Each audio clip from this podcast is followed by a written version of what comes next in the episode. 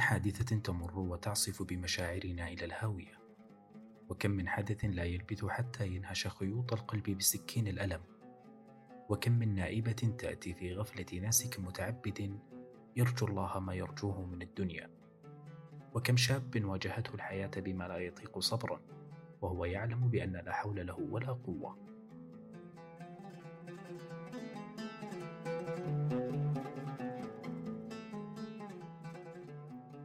هذه الحياة خلقت ممزوجة بالوجع والعافية ممزوجة بالحزن والفرح ممزوجة بالشقاء والسرور.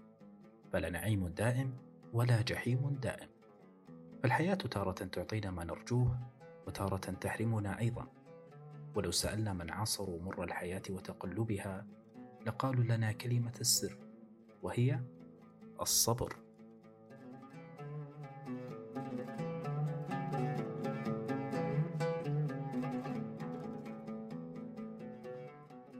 الصبر مفتاح الفرج. كلمة تتردد كثيرا إلى مسامعنا ونحن نعلم بحقيقتها ولكن لا نعلم القيمة الحقيقية بين هذه الكلمات.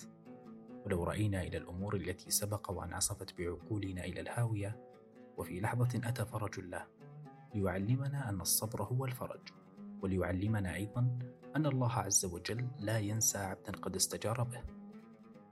يقول الإمام الشافعي ولرب نازلة يضيق بها الفتى درعا وعند الله منها المخرج.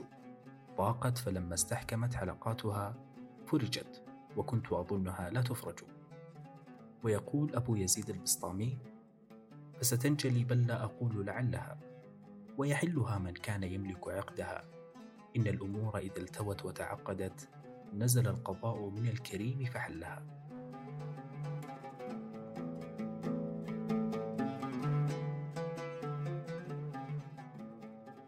اصبروا وصابروا فثمار الصبر تجنى بعد انجلاء الهموم.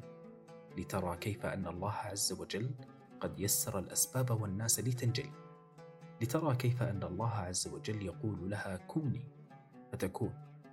فليس هناك هم دائم ولا حزن دائم. قد أمرنا الله بالصبر لنعلم قيمة الحياة لنعلم أن الحياة متقلبة وأن الإيمان واليقين بالله عز وجل يحلها. ولقد روى السابقين عن الصابرين كيف انفرجت أحوالهم وتبدلت. وروى السابقين عن الجازعين كيف استاءت أحوالهم وكيف ازدادوا هما وحزنا. يا صديقي على قلبك السلام الله أقرب إليك من حبل الوريد.